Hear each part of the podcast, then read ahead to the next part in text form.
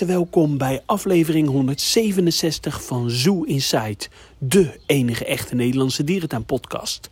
Mijn naam is Adriaan en ik zit hier zonder Mark in Italië. En wel voor de dierentuin van Parco Natura Viva. Een dierentuin vlakbij het Gardameer in de buurt van Verona. Volgende week horen jullie alles over mijn dierentuintrip in Italië en natuurlijk het laatste dierentuinnieuws. Maar we gaan eerst terugblikken op onze reis door Frankrijk, want daar ontmoeten wij een zeer interessante deelnemer en luisteraar van Zoo Insights. Het gaat om Bjorn Ungar. Bjorn is student diermanagement, actief als dierverzorger, maar bovenal groot dierentuinliefhebber en heeft een interessante filosofie over dierentuinen. We gaan naar hem luisteren terwijl we met hem in gesprek waren in de bus terug uit Frankrijk. Je hoort een beetje achtergrondgeluiden, maar gelukkig is het gesprek goed te horen. Veel plezier. Ja, jij komt uh, veel in Duitsland, maar uh, ja, ook natuurlijk in Nederland. Uh, is er een vergelijking? Of wat zijn de belangrijkste verschillen tussen dierentuinen in Duitsland en in Nederland? Nou, um, Nederland is ten, of, Nederland is echt een dierentuinland in mijn oogpunt. Nederland heeft heel veel dierentuinen. Op heel... Ah, Duitsland ook? Duitsland ook. Maar ik heb wel vaak meegekregen in Duitse dierentuinen waar ik heb gewerkt en zo. Als, als men daar over dierentuinen praat. Uh, met andere verzorgers of zo. En dan zeggen ze altijd, oh ja, in Nederland daar heb je echt mooie dierentuinen. Dus Nederland is er wel, wel in Duitsland tenminste wel echt bekend voor zijn mooie dierentuinen. Um, zijn er nu grote verschillen? Um, uh, ik denk dat één groot verschil is natuurlijk dat in Duitsland de meeste dierentuinen uh, bij een, stad horen. Dus de stad is dan eigenaar van die dierentuin en betaalt een groot deel van die dierentuin. En die bedrijven in Nederland die zijn toch echt meer als, als een bedrijf uh, opgebouwd die ook echt probeert om winst te maken. Dus daar worden soms wat andere keuzes gemaakt daardoor. Um, zoiets als een Libema bijvoorbeeld, dat heb je, in Duitsland ook niet. Zo'n bedrijf die echt kijkt van waar, kan ik nog een mooi park uh, opkopen en dan iets moois daarvan maken. Dus ja, het is, wat meer gericht op, op, geld verdienen, maar dat vind ik niet per se slecht. Want waar ik ook heel erg van houd in dierentuinen, is als je op een mooie, maar wel makkelijke manier nieuwe dingen ontwikkelt. Dus aan goedkope materialen gebruikt bijvoorbeeld, goedkoop verblijven bouwt, die dan toch wel mooi uitzien. Dat heeft, CISO heeft dat vaak gedaan vroeger, maar ook in, in Overloon dacht ik toen dat ik de eerste keer daar was. Die hebben echt heel, wat heel mooie dingen bedacht, hoe je simpel toch wel mooie verblijven kunt, kunt ontwikkelen. Ehm, wat zijn zelf je favoriete dierentuinen die, die je hebt bezocht? Ja, nou, dat is uh, voor Nederlanders ook vaak een beetje saai te horen. Omdat het ja, voor een Nederlander gewoon om de hoek is. Maar mijn favoriete dierentuin die er is, dat is uh, Burgersoe in Arnhem.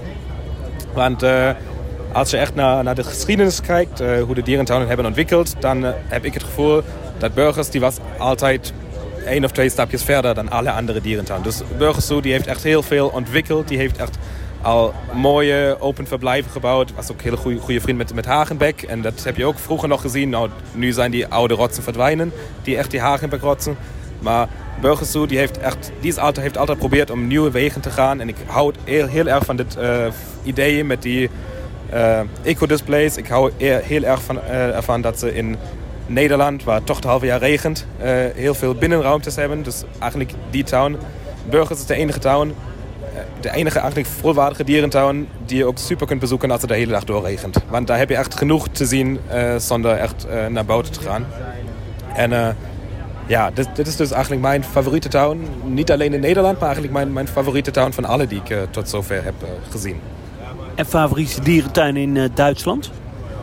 Ja, in Duitsland. Uh, ik heb laatst uh, stage gelopen in Tierpark Berlin. Die vind ik heel erg mooi. Vooral ook omdat het een dierentuin is die echt nog aan het ontwikkelen is. En die echt van plan is uh, om ja, niet, niet te groeien, groeien qua oppervlakte, maar wel te groeien qua kwaliteit. Dat was vroeger ook een tuin waar ze heel veel soorten verzameld hebben. En waar ze nog echt van de zeldzame soorten houden. En die hebben ook nog best veel zeldzame soorten zitten. Maar toch gaan die nu ook over naar echt wat mooie, grotere open verblijven, wat mooiere combi-verblijven. En ja, ik vind het gewoon, gewoon super hoe, ze daar, hoe snel ze daar nieuwe dingen ontwikkelen en bouwen. En hoe, dat je, echt, je kunt echt meekijken hoe die town aan het ontwikkelen is. En omdat die zo groot is, qua, qua oppervlakte, denk ik echt dat die town de mogelijkheid heeft om een van de mooiste in Duitsland of, Europa te, te, worden in de komende jaren. Als die maar zo doorgroeit zodat hij dat nu doet. Um, verder in Duitsland uh, vind ik Nuremberg heel erg mooi. Um, uh, met die, vind het, ten eerste vind ik het een uh, interessante keuze dat ze die Dolfinarium hebben, hebben gebouwd. wat nog niet zo lang geleden is. Echt in een tijd waar echt al heel veel discussie is over... Um, over dolfinariën of, of over zeezoogdieren in dierentuinen. Maar daar hebben zij toch, toch nog een nieuw verblijf gebouwd voor. Dat vind ik super. En laten daarmee ook een beetje zien hoe mooi je zo'n verblijf kan aankleden. Met uh, ook onder water echt een natuurlijk verblijf. En niet maar een zwembad waar een dolfijn in zit. Dat vind ik goed. In Nürnberg vind ik het uh, management heel erg goed. Want uh, de, Nürnberg die is heel erg transparant. En Nürnberg doet wat ook de Scandinavische dierentuinen heel veel doen. Dat een dier laten kweken en dan overschot uh, vervoeren aan hun eigen dieren. Bijvoorbeeld een, uh, een zebra aan de leeuwen voeren. Vind ik heel erg goed dat zoiets wordt gedaan. Want uh, qua gedragsverrijking is altijd de mooiste gedragsverrijking. Je kunt nog zoveel trainen met een dier, maar het mooiste gedragsverrijking voor een dier is gewoon in een natuurlijke groepsstructuur leven en ook zelf kweken. En als je maar beperkte ruimte heeft, dan kun je niet alle dieren verplaatsen. En dan vind ik dat gewoon een super oplossing om uh, gezond en goed voer voor andere dieren in de dierentuin te hebben. Scandinavië doet dat al, sinds jaren heel veel en die doen dat goed en ik ben daar vriend van. En ik vind het goed dat uh, Nürnberg eigenlijk de enige in Duitsland is die daar ook super transparant mee omgaat. Als je naar Nürnberg gaat, heb je in de, bij de ingang altijd zo'n witte bord waar per maand een nieuw lijstje opkomt van alle dieren die zijn overleden of die zijn geboren. En daar staat ook altijd een reden bij. Dus bijvoorbeeld uh, zebra, zo en zo is overleden uh, omdat wij het gevoerd hebben aan de leeuwen bijvoorbeeld. En dat vind ik goed dat die er zo transparant mee omgaan. Uh, nog heel even terugkomen op Tierpark Berlin. Ik, ik durf de stelling wel aan dat zij over tien jaar in de top 5 dierentuinen van Europa zitten. Dat zou best kunnen. Um, als je, ja, zoals ik net zei, uh, als je kijkt hoe, hoe die ontwikkelen, hoeveel die nu hebben gedaan met het uh, nieuwe Himalaya-gebied. En ze gaan ook echt een heel gaaf nieuw olifantenverblijf bouwen. Ik denk, uh, ik heb wel de schetsen een beetje gezien. En uh, ik denk dat het echt een topverblijf wordt. Ik denk dat het gaat uh, volgend jaar open. Ik denk, ja nee, dit jaar niet meer, maar 2023 zijn ze van plan om dit te openen. En ik denk ook dat dit echt een van de mooiere of een van de mooiste verblijven voor Afrikaanse olifanten wordt. En als die zomaar doorgroeien, en, ja, denk ik echt dat daar iets, iets heel moois kan ontstaan. waar sta jij zelf over tien jaar? dat is een goeie. Um, ja, ik heb nu dus een, uh, eigenlijk een redelijk praktijkgerichte opleiding gedaan. Ik heb echt die, het uh, beroepsopleidingssysteem, wat in Nederland in principe MBO is. Dat is in Duitsland heel anders. Dat is veel meer praktijkgericht. En daardoor heb ik echt werkervaring in dierentuinen. Um, en verder heb ik dan, als ik over twee maanden ongeveer ben ik klaar bij Van der Larenstein. Dan heb ik een Bachelor of Science.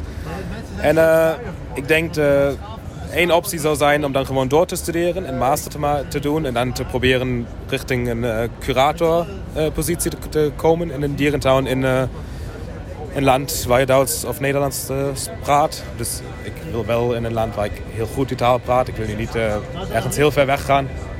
Maar daar ben ik op zich wel flexibel.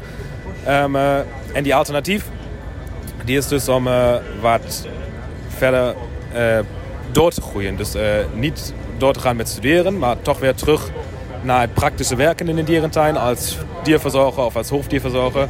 En dan te kijken of het mogelijk is om in enkele jaren een beetje door te groeien naar meer, managementtaken. Ik, uh, ik ben op dit moment denk ik niet dat ik graag uh, directeur zou willen zijn. Tenminste niet directeur van een heel groot park. Want ik denk daar heb je echt meer een politische functie, zeg maar. Daar heb je niet, meer veel met dieren te doen. En dat wil ik wel heel graag. Dus in een wat grotere dierentuin, daar zie ik mezelf als een uh, curator of curator slash dierverzorger.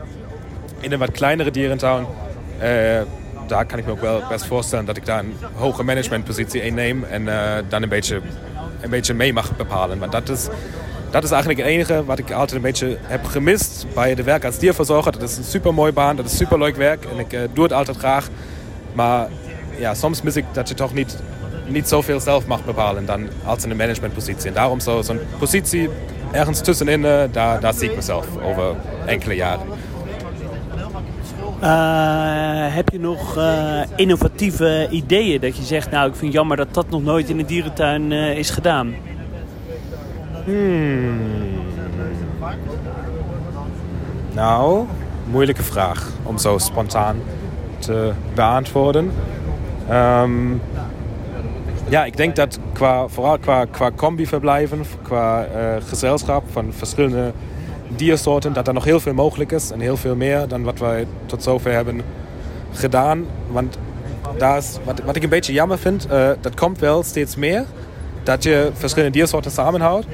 Maar toch doen de dierentuinen meestal gewoon hetzelfde. Dus één dierentuin die probeert iets, dat lukt dan. En dan heb je 10, 20 dierentuinen die doen hetzelfde. In de laatste jaren zijn dat bijvoorbeeld die Zuid-Amerika Pampa gebieden die echt overal ontstaan. Waar je echt bijna altijd dezelfde diersoorten heeft. Wat ik dan een beetje saai vind. Uh, Leipzig heeft het mooi gedaan in zijn uh, Zuid-Amerika-gebied. Die hebben toch nog wat andere combinaties. Bijvoorbeeld uh, die maanwolf met de miereneter. Dat vind ik een leuke combinatie. Die heb ik zo nog niet eerder gezien.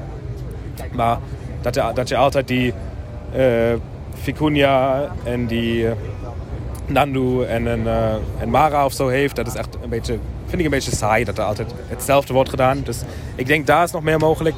Wat ik nu bij onze dierentuinreis hier heb gezien en wat ik ook heel, veel, heel goed vond, is um, dat je gewoon meer dieren in volières houdt. Ook grote zoogdieren in volières houdt. Bijvoorbeeld in uh, Boval, waar we gisteren zijn geweest. Uh, daar hebben we dit hele mooie verblijf uh, voor de... Uh, Nelpaarden? Het precies hippoverblijf gezien. En dat was dus overdekt met een net. En daar heb je dan nog mooie vogelsoorten erbij. Um, ja, en met okapis wordt het ook hier en daar gedaan. In Blijdorp bijvoorbeeld. Maar ook in Douai, waar we ergens gisteren zijn geweest. En ik denk, dat is ook nog een hele goede optie hoe je nieuwe, spannende verblijven kunt ontwikkelen. En waar mensen dan ook echt een ja, echt iets van kunnen leren. Bijvoorbeeld als je, als je zo'n mooie koereiger echt met, met hoefdieren samenhoudt, dat die daar op zit of zo, dan kunnen mensen dat echt live zien. En ja, dat vind ik, vind, vind, vind ik gewoon leuk zoiets. Terugkijkend op deze reis, La Flèche, Douai, Beauval, wat, wat vond jij het hoogtepunt?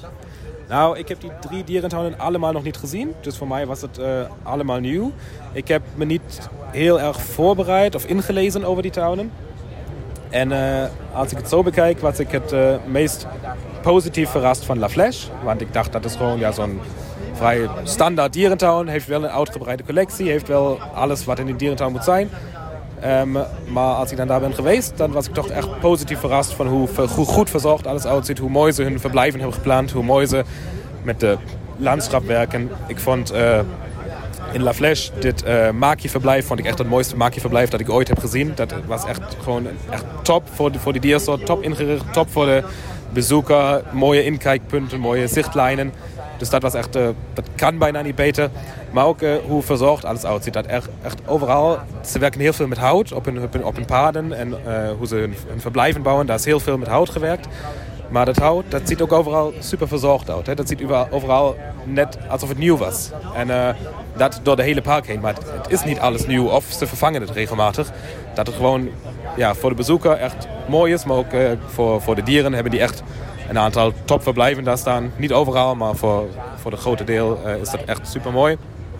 Um, Douai de la Fontaine, um, die ja, heb ik wel veel over gehoord. Heb ik wel vaak gehoord, ook in de podcast, maar ook van andere collega's, dat dit echt een super dierentuin is die je echt een keer moet hebben gezien. En daar heb ik ook al veel foto's van uh, langs komen zien op het internet.